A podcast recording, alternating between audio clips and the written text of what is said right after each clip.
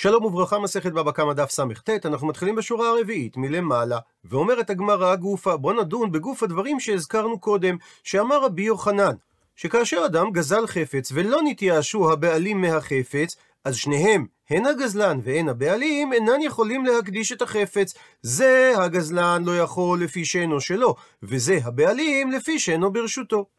עד לכאן ציטוט דברי רבי יוחנן, ומקשה הגמרא, ומי אמר רבי יוחנן האחי? האם כך אמר רבי יוחנן? ואמר רבי יוחנן, הלכה כסתם משנה. כלומר, לעניין פסיקת הלכה, במקום שרבי יהודה הנשיא סידר את המשניות, והוא שנה הלכה מבלי לומר מי אמר אותה, אז הלכה כדעה הזאת. ותנן, ושנינו משנה במסכת מעשר שני שאומרת, כרם רוואי, שהעצים בכרם הם בשנתם הרביעית, ויש בהם קדושה ומצווה לאוכלם בטהרה בירושלים, או לפדותם בכסף, שבאמצעותו יקנו אוכל שיאכל בקדושה במקום הפירות. אומרת המשנה שכרם כזה היו מציינים אותו בכזוזות אדמה. הוא מסביר רש"י שכזוזות זה בלעזית מותש, והכוונה לרגבי אדמה, שהיה נותן בעל הכרם פיסות רגבים סביבות הגבולים של הכרם, כדי להודיע כך לאנשים שמדובר על כרם רוואי ואסור לאכול את הפירות ללא פדיון. ופותחת הגמרא סוגריים ואומרת שהסימנה שהשתמשו כדי לסמן את הכרם דווקא ברגבי אדמה, כדי לומר שהכרם הוא קי, כמו אדמה. מה אדמה? אי כהנאה מינה. יש אפשרות ליהנות ממנה לאחר זמן על ידי חרישה וזריעה וקצירה. אף היינמי, כך גם הכרם הזה, כי מפרקה, לאחר פדיעה של הפירות, שרי להתענו ימינה, ניתן ליהנות מהם. סגור סוגריים, וממשיכה המשנה, ושל עורלה, דהיינו כרם, בשלוש השנים הראשונות שהפירות אסורים באכילה משום עורלה, אותו היו מסמנים בחרסית, שזה חתיכות רעפים שבורות. ושוב פתחת הגמרא סוגריים ומסבירה, סימנה שסימנו כרם עורלה דווקא בחרסית, כדי לומר שהכרם הוא כחרסית. מה חרסית שאין הנאה מינה, שלא ניתן ליהנות מחתיכות החרס השבורות, אף היי, כך זה הכרם דלת בהנאה מיני, שאין הנאה ממנו. סגור סוגריים, וממשיכה המשנה, ושל קברות בסיד. שאת גבולות הקבר היו מציינים בסיד, ופותחת הגמרא סוגריים ומסבירה, סימנה, הסיבה שהשתמשו בסיד כסימן לציין את מקום הקבר, מפני דחיבר הסיד כעצמות. סגור סוגריים, ואומרת המשנה, הוא ממחה את הסיד ושופך אותו. מסביר רש"י, ממחה את הסיד במים ושופך את המים עם הסיד סביבות הקבר, ופותחת הגמרא סגריים ואומרת, כי היכי דניחבר תפי. שבאופן הזה, הסיד הוא בצבע לבן יותר בוהק. סגור סוגריים, וממשיכה המשנה, אמר רבן שמעון בן גמליאל, במה דברים אמורים? שעושים היכר בכרם רוואי ובכרם עורלה לעוברים ולשבים, בשביעית דהפקר נינו. כאשר השנה היא שנת שמיטה, ואז הפירות הם הפקר, ובהיתר נכנסים האנשים לכרם לאכול. אז יש עניין לסמן לאנשים מאיזה פירות אסור לאכול, ומאיזה פירות מותר לאכול רק אחרי פדיון. אבל בשאר שני שבוע, דהיינו בשאר השנים שהם לא שנת שמיטה, שאין לאנשים רשות להיכנס לכרם, והם באים לגזול את הפירות, במקרה כזה אומר רבן שמעון בן גמליאל, הלעיטהו לרשע וימות. אין צורך לסמן סימן אזהרה על הכרם, אלא יניחם ויאכלו דבר האסור, ויענש על כך. הוא מסיים את המשנה, והצנועים מניחים את המעות ואומרים, כל הנלקט מזה מחולל על המעות הללו. והסביר רש"י בעמוד הקודם שהצנועים זה בני אדם חסידים שרוצים לסלק ידי כל אדם מן העבירה, וכשיש להם כרם רווי תחת ידם, הם חוששים שמא אוכלים ממנו עובד דרכים בלא פדיון, ולכן הם מניחים מעות ואומרים שכל מה שלקטו בני אדם היום מכאן יהיה מחולל על המעות הללו. עד לכאן דברי המשנה, ומה שאמרה המשנה ביחס להנהגת הצנועים, מבינה הגמרא שזה לא המשך דברי רשב"ג, אלא רבי שנה את זה בסתם. ועל פי מה שאמר רבי יוחנן, הלכה כסתם משנה, משמע שרבי יוחנן סובר שהלכה כהנהגת הצנועים, שאף על גב שפירות הרוואי לא היו ברשותם, הם יכלו לפדות אותם, והקדושה הייתה תופסת במעות. וזה עומד בסתירה לדברי רבי יוחנן, שגזל ולא נתייאשו הבעלים, גם הבעלים לא יכולים להקדיש את הגזלה, מפני שהיא לא ברשותם. וממשיכה הגמרא בשאלתה ואומרת, וכי תימה, ואולי תרצה לתרץ ולומר, מן תן הצנועים? מי שנה את הנהגת הצנועים בברייתא? זה לא נשנה בסתם, אלא זה המשך דברי רשב"ג? ואמר רבא בר בר חנא שאמר רבי יוחנן, כל מקום ששנה רשב"ג במשנתנו הלכה כמותו, חוץ משלושה מקרים. המקרה הראשון מערב, והמקרה השני וצידן, והמקרה השלישי ראייה אחרונה. ונסביר בקצרה את המקרים. ערב זה כאשר המלווה אמר על מנת שאפרע ממי שארצה, שחכמים אומרים, גם אם יש ללווה נכסים, הוא יכול להיפרע מן הערב תחילה. ורשב"ג חלק ואמר, בין כך ובין כך לא ייפרע מן הערב תחילה, והלכה כחכמים. צידן זה שהיה מעשה בצידן, באחד שאמר לאשתו, הרי זה גיתך על מנת שתתני לי אצטל איתי, ועבדה אצטל איתו. ואמרו חכמים, תיתן לו את דמיה, ובזה נתקיים התנאי. ואין הלכה כרשב"ג, אלא כחכמים, שאין התנאי מתקיים, אלא באצטלית עצמה ולא בדמיה. ראיה אחרונה, זה כאשר בעל הדין אומר אין לי ראיה, ולאחר זמן הוא הביא ראיה ומצא עדים, הרי זה אינו כלום ואין סומכים על העדים. ורבן שמעון בן גמליאל אומר, מה יעשה זה שלא ידע שיש לו עדים ולבסוף מצא עדים, וכי מפני כן נפסלים העדים, וגם במקרה הזה אין הלכה כרבן שמעון בן גמליאל. אבל מלבד שלושת המקרים הללו, רבי יוחנן אומר שבכל מקום ששנה רשב"ג במשנה הלכה כמותו. אז גם אם נאמר שהנהגת הצנועים במשנה זה המשך דברי רשב"ג, הרי זה סותר את מה שאמר רבי יוחנן, שבמקרה שגזל ולא נתייאשו הבעלים, גם הבעלים לא יכולים להקדיש לפי שאינו ברשותו. אמרי, אמרו על כך את התירוץ הבא, לא תימה, אל תאמר, שהנוסח שהצנועים היו אומרים זה כל הנלקט מזה, שזה לשון עבר, והמשמעות היא שהם מתייחסים לפירות שכבר נלקטו, אלא אימה, תאמר שהנוסח הנכון זה כל המתלקט מזה. לשון עתיד, מה שאנשים עתידים ללקוט מהכרם. ואז אין סתירה לדברי רבי יוחנן, שהרי הצנועים מבצעים את הפדיון, בשעה שהפירות נמצאים ברשותם. מקשה הגמרא על התירוץ הזה, ומי אמר רבי יוחנן האחי? האם ניתן להסביר שרבי יוחנן אמר שהגרסה בהנהגת הצנועים מתייחסת על פירות שעתידים להתלקט, ואמר רבי יוחנן שהצנועים ורבי דוסה אמרו דבר אחד, ורבי דוסה נלקט כאמר, דתניא, ששנינו בתוספתא במסכת פאה, לעניין לקט של קציר, שההלכה היא שליקוט של שני שיבולים הוא עומד בהגדרה של לקט, אבל ליקוט של שלוש שיבולים אינו נחשב לקט.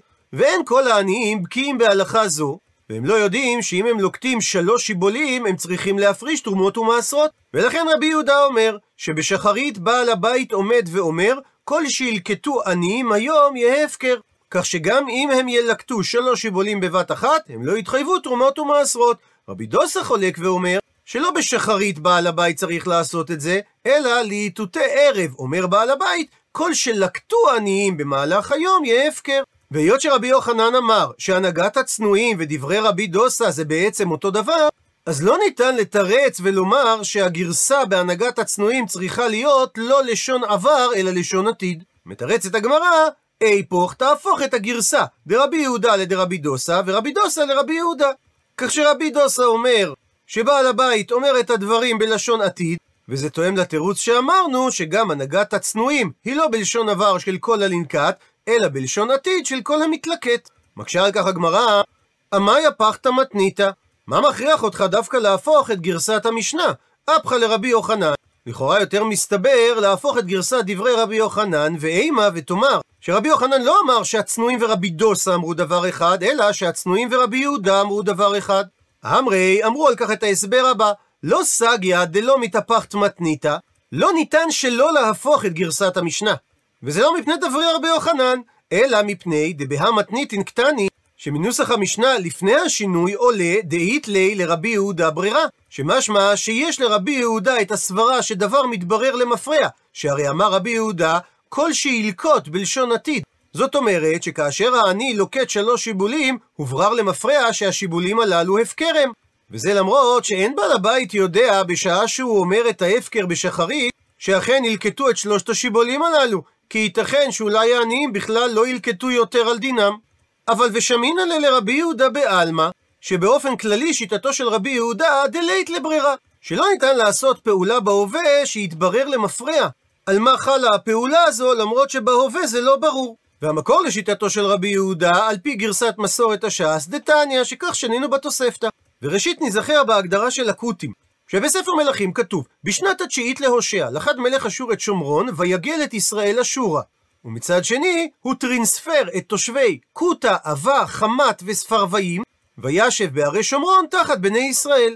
ויהי בתחילת שבטם שם, לא יראו את השם, וישלח השם בהם את האריות, ויהיו הורגים בהם. ויאמרו למלך אשור לאמור, הגויים אשר הגלית ותושב בערי שומרון, לא ידעו את משפט אלוהי הארץ. וישלח בם את האריות, ואינם ממיתים אותם, כאשר אינם יודעים את משפט אלוהי הארץ. ויצב המלך אשור לאמור, הליכו שמה אחד מהכהנים אשר הגליתם משם, וילכו וישבו שם, ויורם את משפט אלוהי הארץ. ויבוא אחד מהכהנים אשר הגלו משומרון, וישב בבית אל, ויהי מורה אותם איך יראו את השם. ומספר הנביא, את השם היו יראים, ובמקביל ואת אלוהיהם היו עובדים כמשפט הגויים אשר הגלו אותם משם.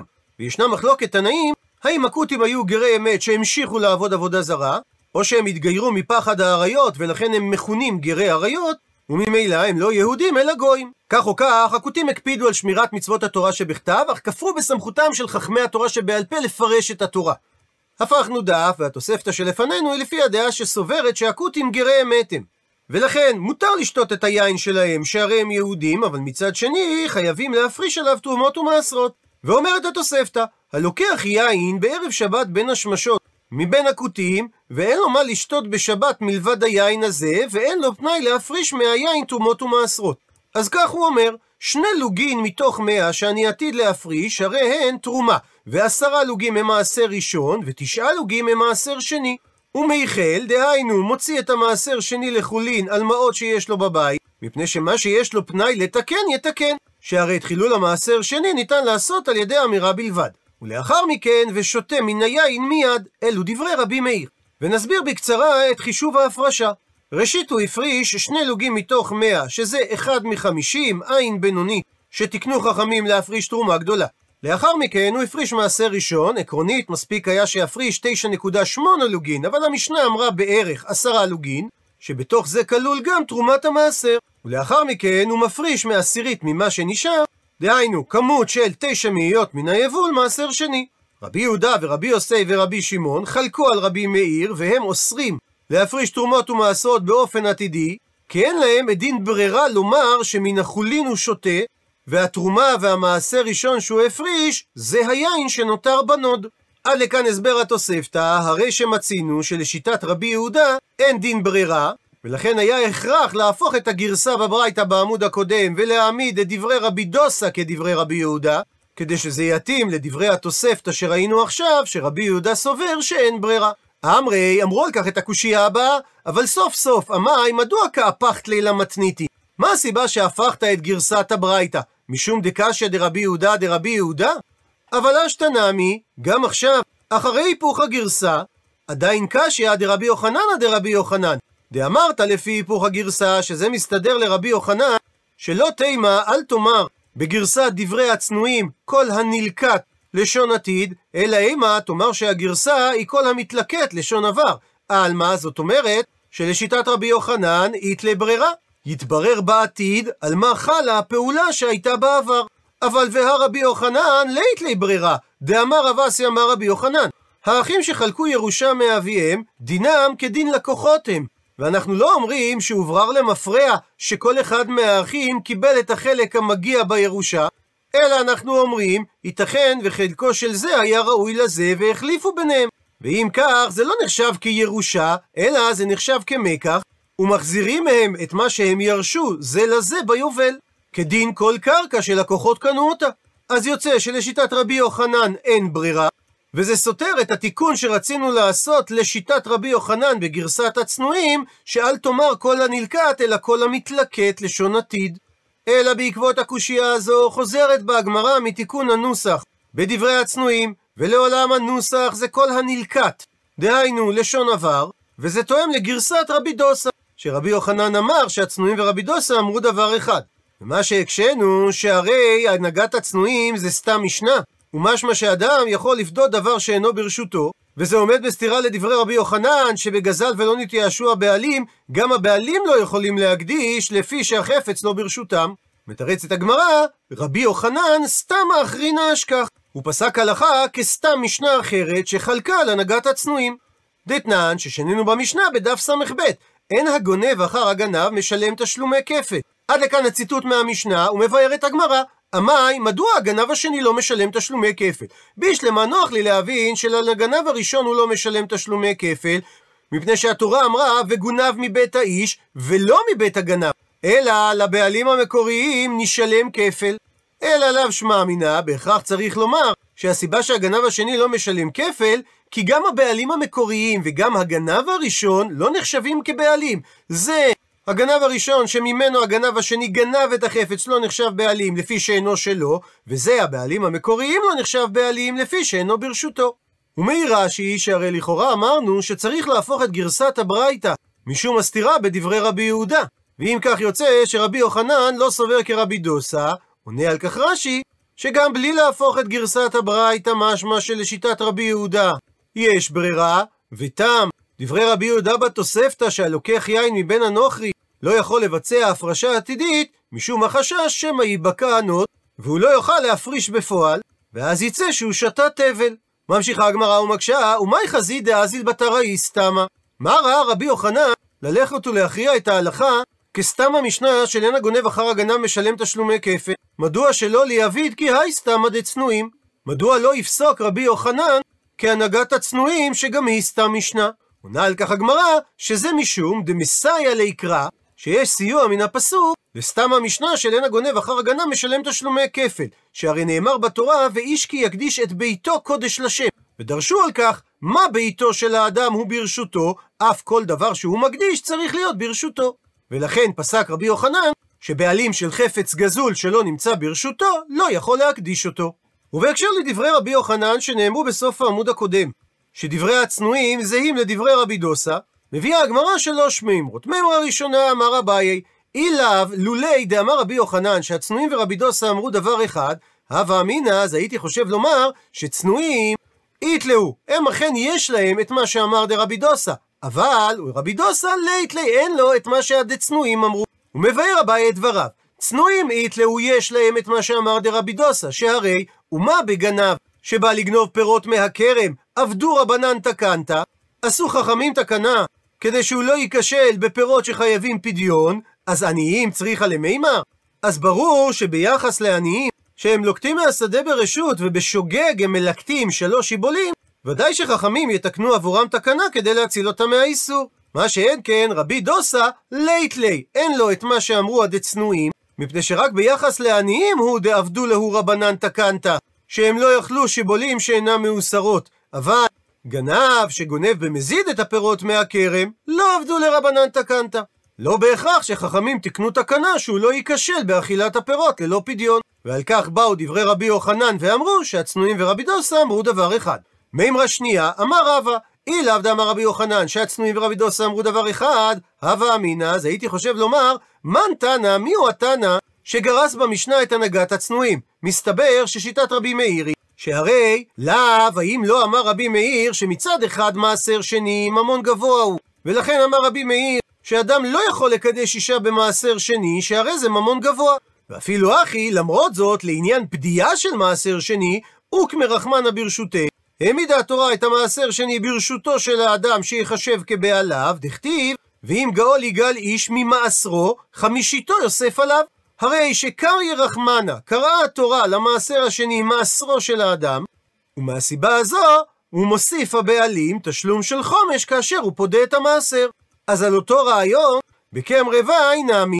גם כן נאמר את אותה הלכה, שהרי כרם רבעי גמר, למדנו בגזרה שווה, קודש קודש ממעשר שני, שכתיב אחת. כתוב כאן לגבי כרם רבעי קודש הילולים, וכתיב גבי מעשר שני, וכל מעשר הארץ, מזרע הארץ, מפרי העץ, להשם הוא קודש לשם.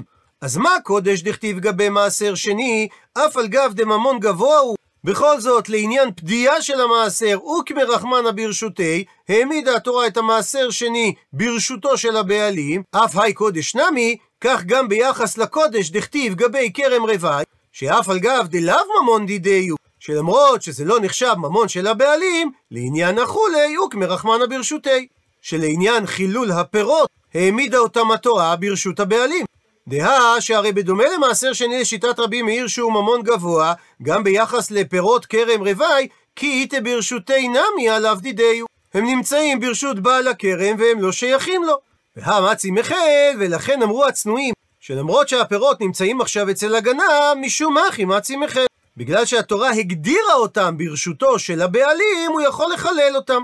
אבל גבי לקט, לא הייתי אומר שהדין כך, שהרי כיוון דממון הדידי, כיוון שמדובר על שיבולים שבפועל הם ממון שלו, אז כי איתי ברשותי הוא דמצי מפקר לי. רק כאשר הם ברשותו, יכול הבעלים להפקיר אותם, וכי ליתה ברשותי, וכאשר הם אינם ברשותו, לא מצי מפקר לי, הוא לא יכול להפקיר אותם. וזה שלא כדברי רבי דוסה. ולכך נצרכו דברי רבי יוחנן, שהצנועים ורבי דוסה כן אמרו דבר אחד. מימרה שלישית, אמר אבינה, אי לאו דאמר רבי יוחנן, שהצנועים ורבי דוסה אמרו דבר אחד, הווה אמינא, אז הייתי חושב לומר, מן תנא, מיהו התנא ששנה את הנהגת הצנועים? בעצם רבי דוסאי.